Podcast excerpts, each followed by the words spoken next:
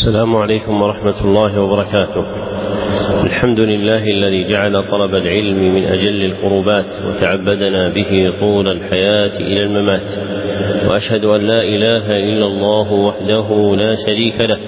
وأشهد أن محمدا عبده ورسوله صلى الله عليه وسلم ما عقدت مجالس التعليم وعلى آله وصحبه الحائزين مراتب التقديم.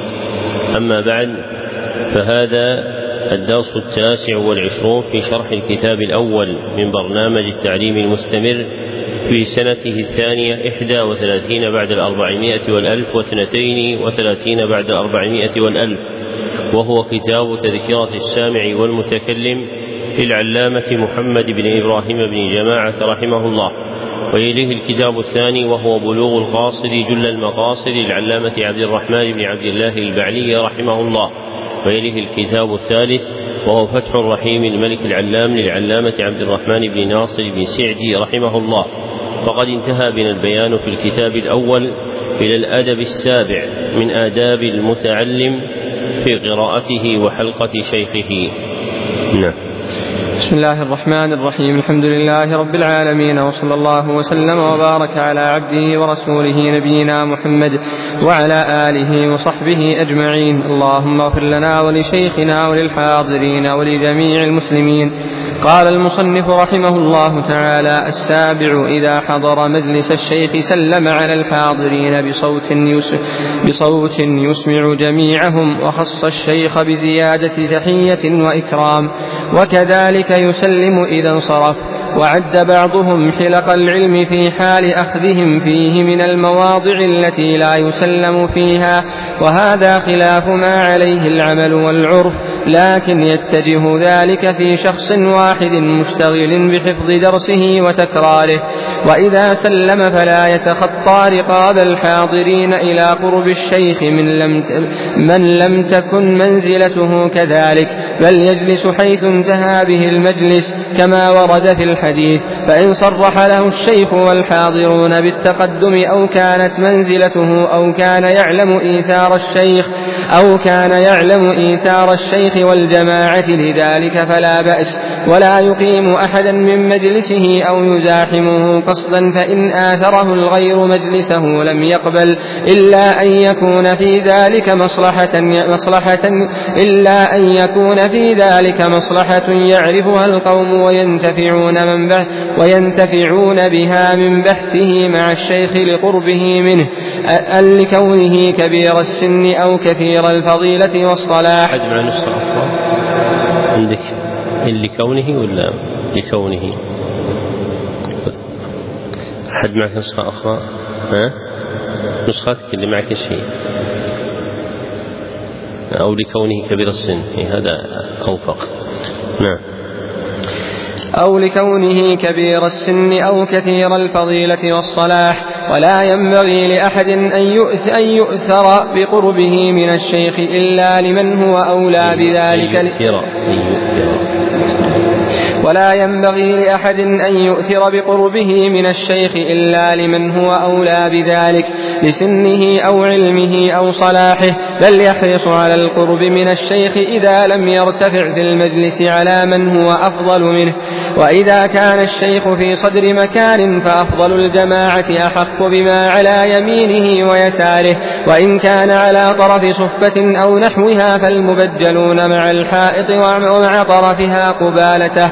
وينبغي للرفقاء في درس واحد أو دروس أن يجتمعوا في جهة واحدة ليكون نظر الشيخ إليهم جميعا. عند الشرح ولا يخص بعضهم في ذلك دون بعض. وقد جرت العادة في مجالس التدريس بجلوس المتميزين قبالة وجه المدرس والمبجلين من معيد أو زائر عن يمينه أو ويساره.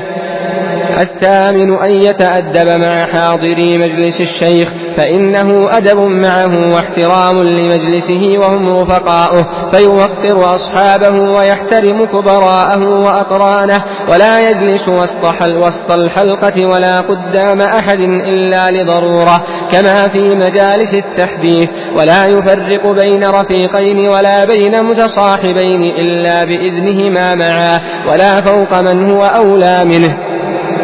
وينبغي للحاضرين إذا جاء القادم أن يرحبوا به ويوسعوا له ويتفسحوا لأجله ويكرموه بما يكرم به مثله. وإذا فسح له في المجلس وكان حرجا ضم نفسه ولا يتوسع ولا يعطي أحدا منهم جنبه ولا ظهره. ويتحفظ من ذلك ويتعهده عند بحث الشيخ له.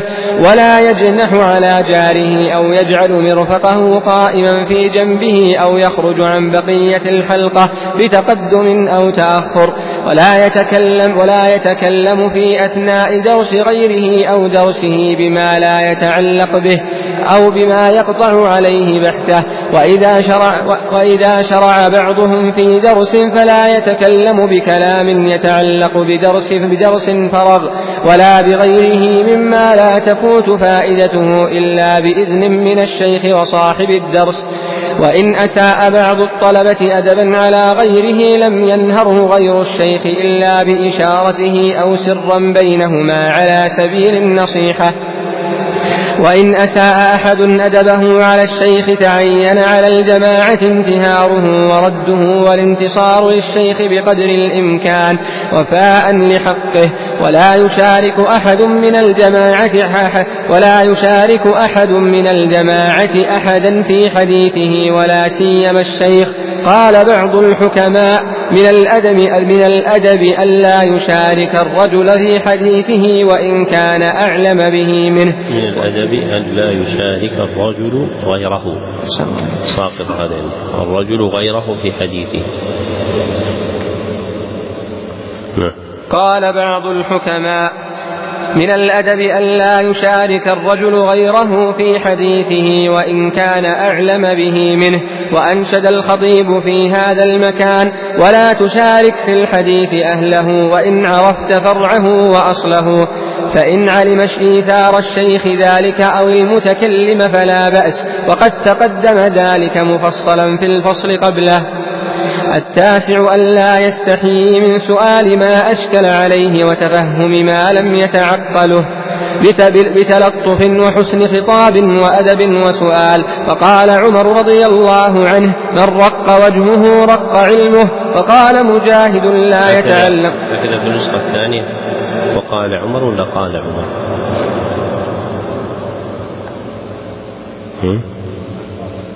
قال بدون واو.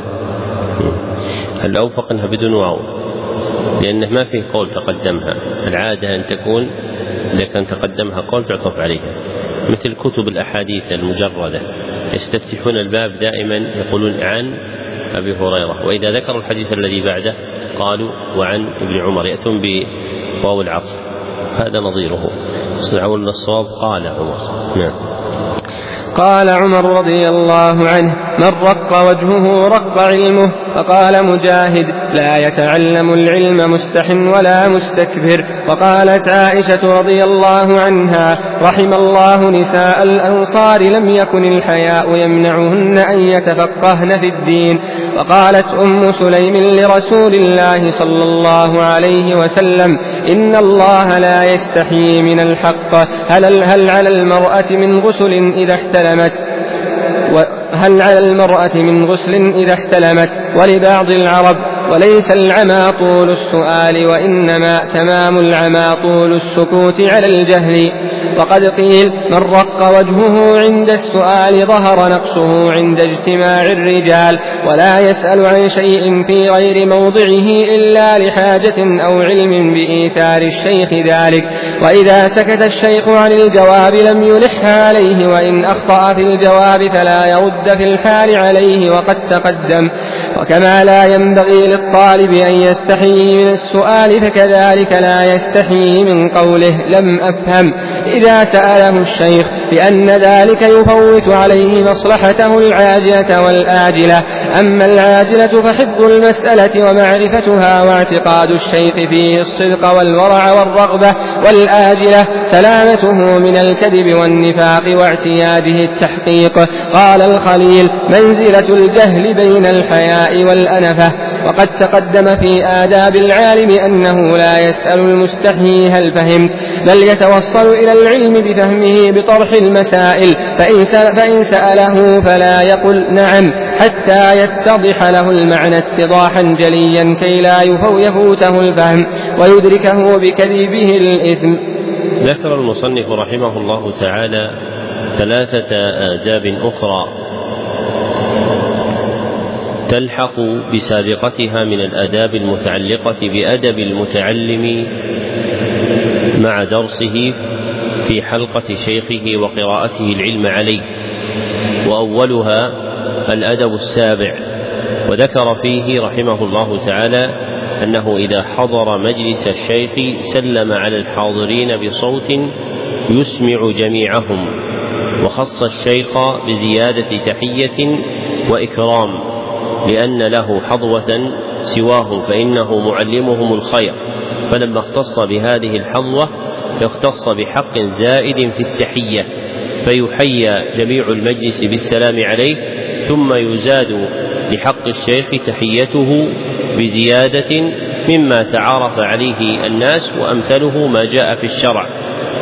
وكذلك يسلم إذا انصرف من المجلس فالسلام بدءا وختما من السنن المروية الثابتة في الهدي النبوي. ثم ذكر ما اتفق إيراده عند جماعة من الشافعية والحنابلة في المواضع التي لا يسلم فيها وهي حلق العلم. فإن الفقهاء رحمهم الله تعالى يذكرون في مطولات الكتب الفقهية في أبواب الآداب منها أو في الكتب المفردة عندهم في الآداب المواضع التي لا يسلم على المرء فيها. وهي عديدة ومن الفقهاء من زادها عن العشرة. ومن جملة تلك المواضع التي ذكروها السلام على المستغلين بالعلم في حلقه.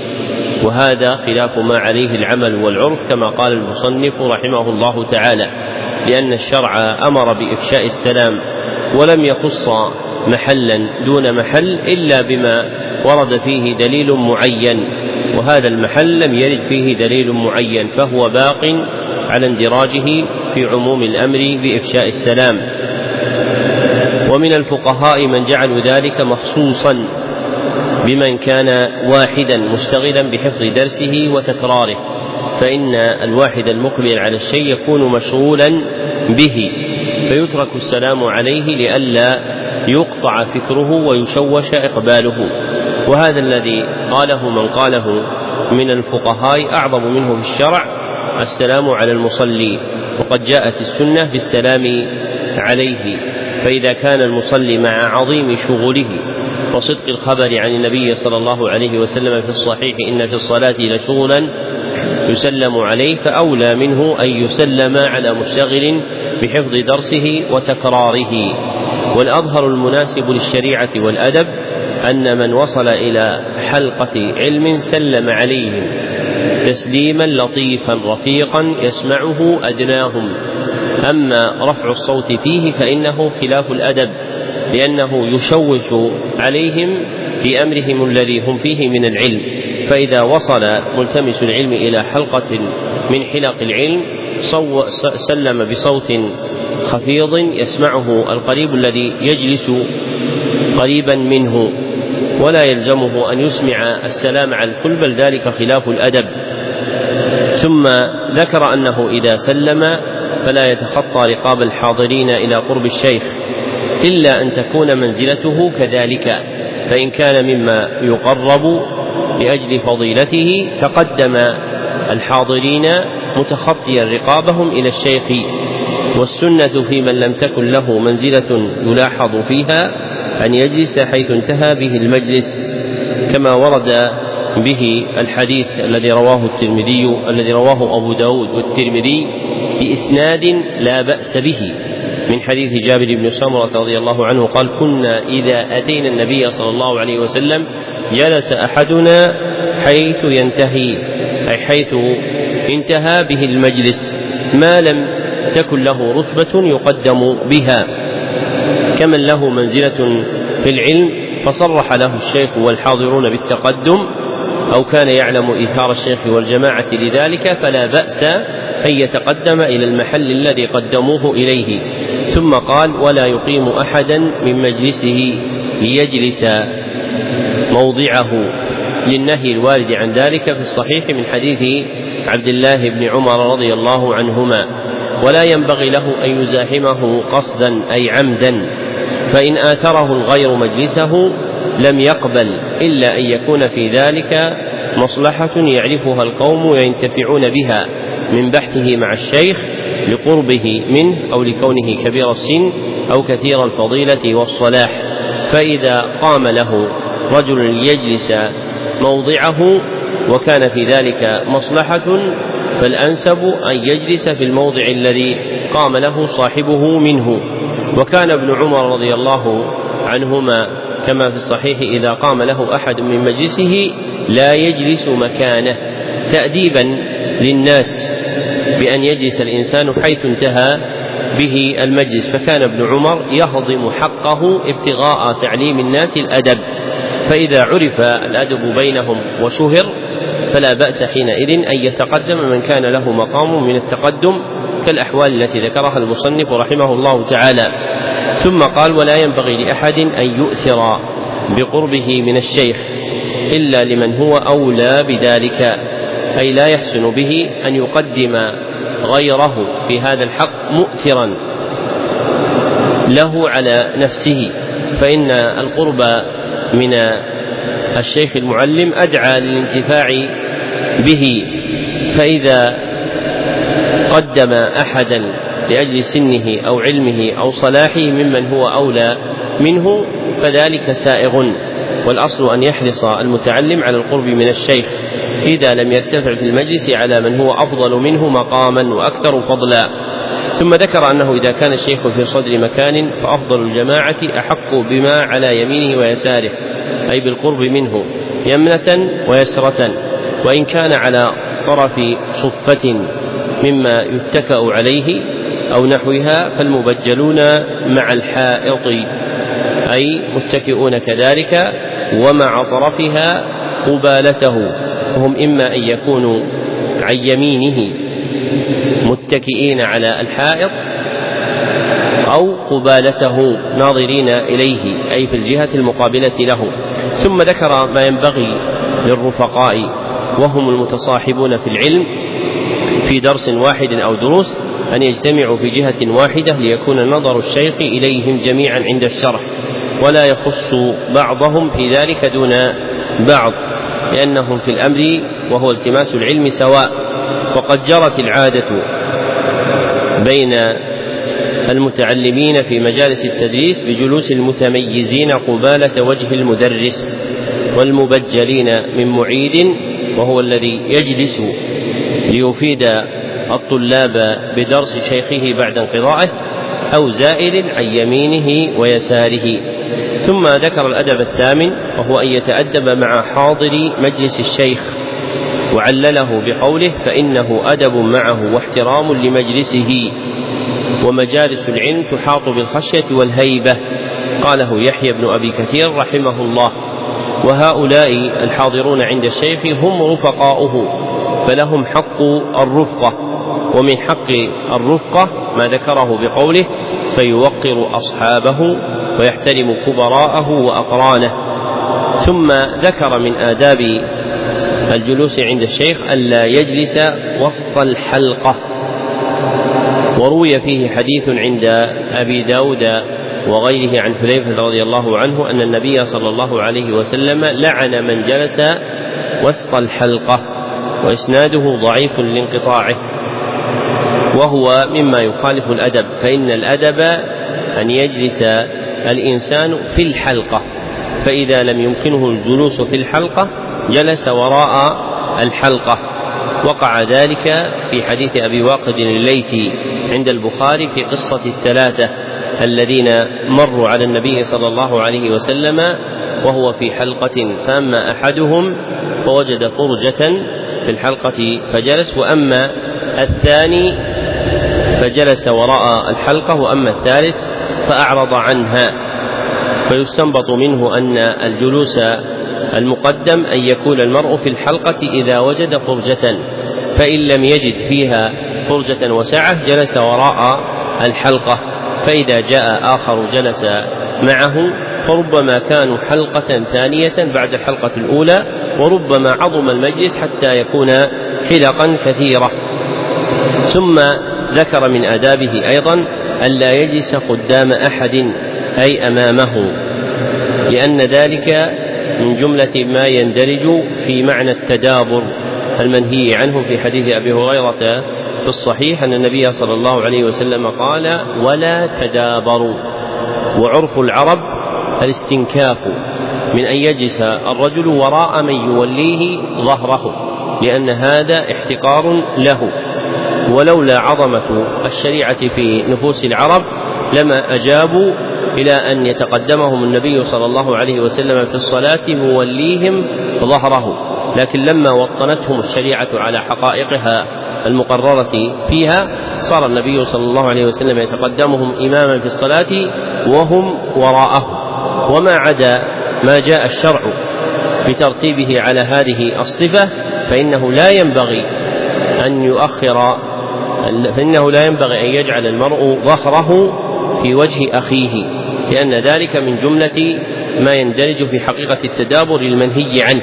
وإنما يسوغ ذلك إن كان لضرورة كما قال المصنف إلا لضرورة كما في مجالس التحديث لأن المجلس ربما ضاق فوقع مثل هذا.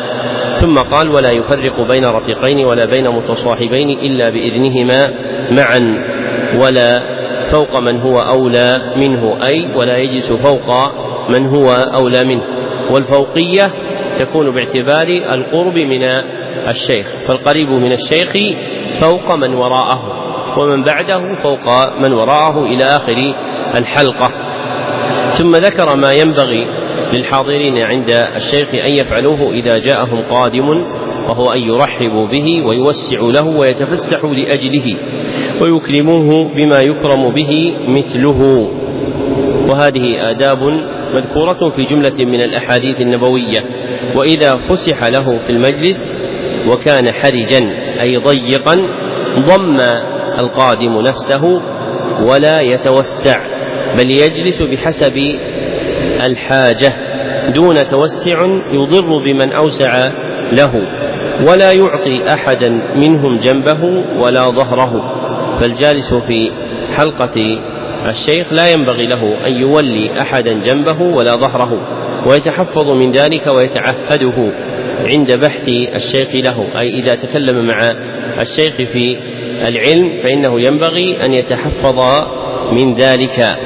وإذا كان هذا منهيا عنه في حق الجالس مع الحلقة الجالس في الحلقة مع أصحابه فإن حقه مع الشيخ أعظم. فمن خلاف الأدب ما يفعله بعض الناس من الجلوس في حلقة الدرس وتجده قد جعل جنبه إلى الشيخ. والأدب أن يقبل عليه بوجهه فإن الشيخ يجلس إليه كما هو جالس للبقية. فينبغي له أن يجلس معه على الأدب من الإقبال عليه بوجهه. ثم قال ولا يجنح على جاره أي لا يجعله كالجناح له أو يجعل مرفقه قائما في جنبه بحيث يؤذيه أو يخرج أو يخرج عن بقية الحلقة بتقدم أو تأخر لأن الأدب في حق من جلس في حلقة أن يكون معها. ورعاية أدب الحلقة كرعاية أدب الصف في الصلاة. والجمهور أن الآداب المتعلقة في الصف في الصلاة الأصل فيها أنها من أبواب النوافل. وذهب بعض الفقهاء إلى إيجاب جمل منها ليس هذا محلها. لكن المقصود أن رعاية الأدب في الاجتماع مع الناس في صلاة أو حلقة علم هي من الأمور التي رعتها الشريعة وبينت أحكامها. وتقدم أن الصلاة التي يصليها الناس في المساجد ألحق بها العلم في كثير من المسائل. وسبق قول المصنف أن العلم صلاة القلب.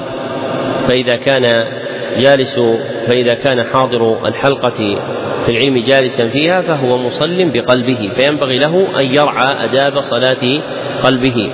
ثم ذكر من أدبه في الحلقة ألا يتكلم في أثناء درس غيره أو درسه بما لا يتعلق به أو بما يقطع عليه بحثه.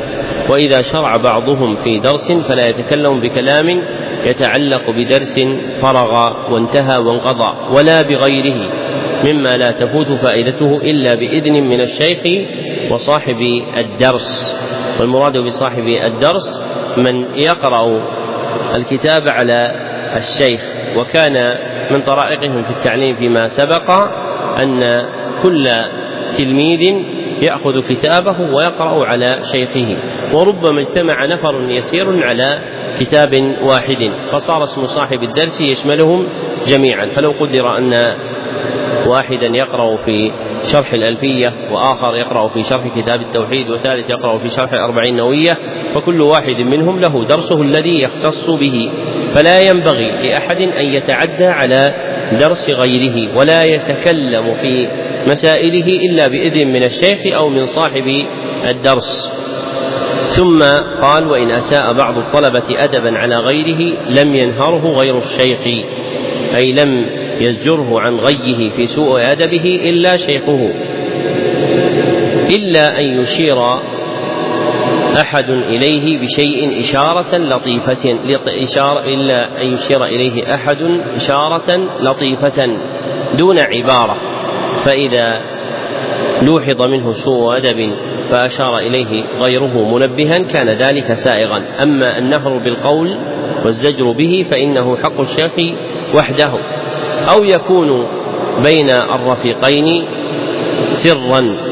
على سبيل النصيحة دون إبدائه علانية لأن إبداء النصح علانية نوع من التوبيخ والتقريع يوجب في النفوس رده وعدم قبوله. ومن عيون المروي من شعر الشافعي رحمه الله تعالى قوله تعمدني بنصحك في انفراد وجنبني النصيحة في الجماعة فإن النصح بين الناس نوع من التوبيخ لا أرضى سماعه. ثم قال وإن أساء أحد أدبه على الشيخ تعين على الجماعة انتهاره ورده.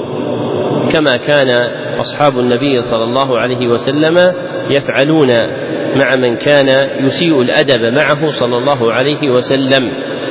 ثم إذا زجروه عن غيه انتصروا للشيخ بقدر الإمكان وفاء لحقه بحسب ما تستدعيه الحال. وتقتضيه الشريعة والعرف. فليس المقصود بالانتصار للشيخ التغيظ على من أساء الأدب ومعاملته بالسوء لكن المقصود كف ضرره وشرره. فإذا كف بألطف أمر وأيسر سبب كان هذا هو المأمور به فإن حلق العلم لها آداب تحاط بها. وليس من أدب العلم اللغط في مجالسه ورفع الصوت فيه بل يزجر زجرا يقطع شره. وقد ذكر ابن مفلح رحمه الله تعالى في كتاب الآداب الشرعية أن أبا عبد الله أحمد بن حنبل دخل حلقة درسه في المسجد فرأى بعض أصحابه يدفعون رجلا ويقولون كبش الزنادقة كبش الزنادقة. فقال رحمه الله عمن أخذتم هذا من أمركم بهذا؟ يجلس يسمع خيرا أو ينصرف. فلا ينبغي للإنسان أن يحيف في قصد الانتصار لشيخه حتى يقع فيما لم تأذن به الشريعة بل ينتصر في كف شرر أحد أو ضرره في حلقة الشيخ بما لا يخالف الأدب. والله سبحانه وتعالى يقول إن الله يدفع عن الذين آمنوا وفي القراءة الأخرى إن الله يدافع عن الذين آمنوا. فأهل العلم قد جعل الله عز وجل لهم حرسا بلا جند وحماية بلا مال فهم في كنف الله سبحانه وتعالى ورعايته وملاحظته. ثم ذكر المصنف رحمه الله تعالى من أدب المتعلم في الحلقة أن لا يشارك أحدا من الجماعة أن لا يشارك أحد من الجماعة أحدا في حديثه ولا سيما الشيخ. فإذا تكلم أحد في الحلقة أنصت إليه. وإذا كان ذلك المتكلم هو الشيخ كان أحق بالإنصات. وهذا أمر يعظم على النفوس فإن إلجام الألسنة وطي بساطها عن القول يثقل على النفس إلا من رحمه الله عز وجل. وقد روى ابن سعد في كتاب الطبقات الكبرى في ترجمة مورق العجلي رحمه الله أحد التابعين أنه قال تعلمت الصمت عشر سنين. ثم ذكر له كلاما آخر في ذلك الموضع أنه لم يزل يؤدب نفسه على الصمت حتى استقامت له نفسه. وأعظم الصمت إذا كان الإنسان بحضرة من يتكلم فإن أعظم الصمت أن تلجم لسانك وتسمع كلامه. وخلاف ذلك سوء أدب. قال بعض الحكماء من الأدب ألا يشارك الرجل غيره في حديثه وإن كان أعلم به منه. وروى الخطيب البغدادي في الجامع لأخلاق الراوي وآداب السامع أن رجلا اعترض رجلا في حديثه عند عطاء ابن أبي رباح رحمه الله فقال عطاء ما هذه الأخلاق؟ ما هذه الأحلام؟ إن الرجل ليحدثني الحديث فأظهر له أني لا أعلمه إلا من قبله. أو كلاما هذا معناه. وأورد الخطيب في هذا الموضع من كتاب الجامع وهو الذي قصده المصنف بقوله وأنشد الخطيب في هذا المكان أي في هذا الموضع من كتاب الجامع قول بعض الأدباء ولا تشارك في الحديث أهله وإن عرفت فرعه وأصله. ثم ذكر ما يستثنى من ذلك بقوله فإن علم إيثار الشيخ ذلك أي محبة الشيخ أن يشاركه صاحبه في الكلام أو علم محبة المتكلم ذلك فلا بأس. وقد تقدم ذلك مفصلا في الفصل قبله. ثم ذكر الأدب التاسع وهو أدب عظيم يتعلق بالسؤال في العلم. وقد طوى المصنف رحمه الله تعالى مقاصده في عدة أسطر وهو حقيق أن يفرد إفرادا ومن نفائس المقيدات ما أورده ابن القيم في إعلام الموقعين والشاطبي في كتاب الموافقات من آداب جمة تتعلق بآداب السؤال في العلم فإن الفصلين المذكورين في هذا المبحث في كتاب الموافقات للشاطبي وإعلام الموقعين لابن القيم من عيون العلم التي ينبغي أن يقف عليها طالب العلم فإن أدب السؤال من أعظم الآداب التي ينبغي أن تتحقق بها وكلامهما فيها حقيق بالإفراد فإنهما قرر جملة من القواعد وبين طرفا من الآداب في مقاصد السؤال مما يحسن الأخذ به والوقوف عليه. وقد ذكر المصنف رحمه الله تعالى من أدب السؤال ألا يستحيي المتعلم من السؤال عما أشكل عليه ومن تفهم ما لم يتعقله ويكون ذلك بتلطف وحسن خطاب وأدب وسؤال. ثم أورد رحمه الله تعالى آثارا تحث على التماس العلم بالسؤال. ومن المروي عن الزهري رحمه الله أنه كان يقول العلم خزائن تفتحها المسألة أي تستفتح خزائن العلم بالسؤال عنه. فمما أورده رحمه الله تعالى قول عمر رضي الله عنه من رق وجهه رق علمه رواه الدارمي وإسناده منقطع. ورواه الدارمي من كلام عامر الشعبي وإبراهيم النخعي من التابعين والإسناد إليهما صحيح. ومعنى هذه الجملة أن من رق وجهه حياء رق علمه ضعفا فالذي يكون حيا لا يقدم على المسألة لا يستنبط العلم من أشياخه فيطوى عنه علم كثير.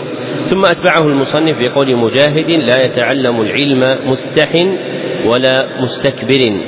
علقه البخاري في صحيحه ووصله البيهقي في المدخل إلى السنن الكبرى وأبو نعيم الأصبهاني في كتاب الحلية بإسناد صحيح. ومعنى قول مجاهد أن من كان متصفا بأحد هذين الوصفين لم ينل العلم فالمستحي يمنعه حياؤه أن يقدم على المسألة. والمستكبر يأنف لغلظة قلبه أن يسأل عما لم يفهمه. فإذا بلي المرء بحياء قاطع أو كبر مانع حرم العلم وحجب عنه. ثم أورد قول عائشة رضي الله عنها رحم الله نساء الأنصار إلى آخره وهو عند مسلم في صحيحه بلفظ نعم النساء نساء الأنصار لم يكن يمنعهن الحياء أن يتفقهن في الدين. ثم أورد قول أم أم سليم رضي الله عنها إن الله لا يستحيي من الحق. ثم سألت رضي الله عنها عما أشكل عليها فيما يعرض للنساء إذا احتلمت إحداهن في منامها هل عليها غسل أم لا؟ والمقصود بالحياء المذكور في هذا الموضع هو الحياء الذي يمنع من الإقدام ويحمل على الإحجام. فالحياء الموقوت في العلم هو ما منعك عما تريد. وأما الحياء الممدوح في السؤال هو ما حملك على التماس ألطف العبارات في عرض السؤال. فالحياء هنا نوعان. أحدهما حياء ممقوت وهو الذي يحمل على الإحجام ويمنع من الإقدام على السؤال. والثاني حياء ممدوح وهو الذي يحمل على ابتغاء ألطف العبارات في السؤال عما أشكل من المهمات. وهذا واقع في الخطاب الشرعي. فإن خطاب الشرع في القرآن والسنة جاء على وفق الأدب. كما ذكره جماعة من أهل العلم منهم أبو العباس بن تيمية الحفيد وتلميذه ابن القيم في جماعة آخرين. فإن الخطاب الشرعي يعدل فيه عن لفظ إلى آخر ابتغاء لزوم الأدب في الخطاب. وحقيق بطالب العلم أن يتخير الألفاظ التي يسأل بها فليس كل سؤال عنا له وخطر في نفسه يبادر بإبدائه بل يتخير لفظة حسناء يعرض بها هذا السؤال. فإن الإنسان قد يسأل عن شيء يسأل عنه قرينه فيجاب قرينه ويترك هو لأن القرين التمس سؤالا التمس صيغة مناسبة للأدب وذاك الآخر جاء بعبارة تنبو عن الأفهام أو فيها سوء أدب أو لا يحب الشيخ أن يبادر بمثلها في مثل ذلك المجلس فيعرض عنه. ثم ذكر قول بعض الشعراء وليس العمى طول السؤال وإنما تمام العمى طول السكوت على الجهل. ثم قال وقد قيل من رق وجهه عند السؤال ظهر نقصه عند اجتماع الرجال والمعنى أن من كان حييا رقيق الوجه لم يعود نفسه سؤال الأشياخ حرم علما كثيرا وبان نقصه إذا اجتمع مع رداته وأقرانه وبحثوا في العلم فإنه يفوته علم كثير بسبب عدم سؤاله. ثم ذكر من الأدب الا يسأل عن شيء في غير موضعه إلا لحاجة أو علم بإذهال الشيخ ذلك. وإذا سكت الشيخ عن الجواب لم يلح عليه لأن من مآخذ الجواب عند أهل العلم السكوت. وقد صح عن الأعمش رحمه الله أنه كان يقول السكوت جواب. فربما لاحظ الشيخ المجيب أن الأليق بهذا المحل هو السكوت عن الجواب فامتنع منه. فإذا سكت الشيخ عن الجواب لزم الأدب معه ولم يلح عليه لأن المعلم الذي يرقب الله عز وجل لا يبسط شيئا ولا يطويه إلا بمسوغ شرعي. وقد عزب علم كثير من ملتمس العلم والمتكلمين فيه في هذه الأزمان فظنوا أن السكوت عن الجواب ضعف وخور. وأكثر ما يقع في قلوبهم أن هذا ضعف ممن آتاه الله سبحانه وتعالى ضعف للخوف ممن آتاه الله عز وجل سلطانا وهذا من الجهل بالله وبأمره فإن العارفين بالله وبأمره يعظمون أمر الله وشأنه ويخافون هيبته وسلطانه أعظم من خوفهم وهيبتهم سلطانا من سلاطين الأرض. فهم إن سكتوا إنما يسكتون لمصلحة داعية وموجب شرعي حامل على ذلك.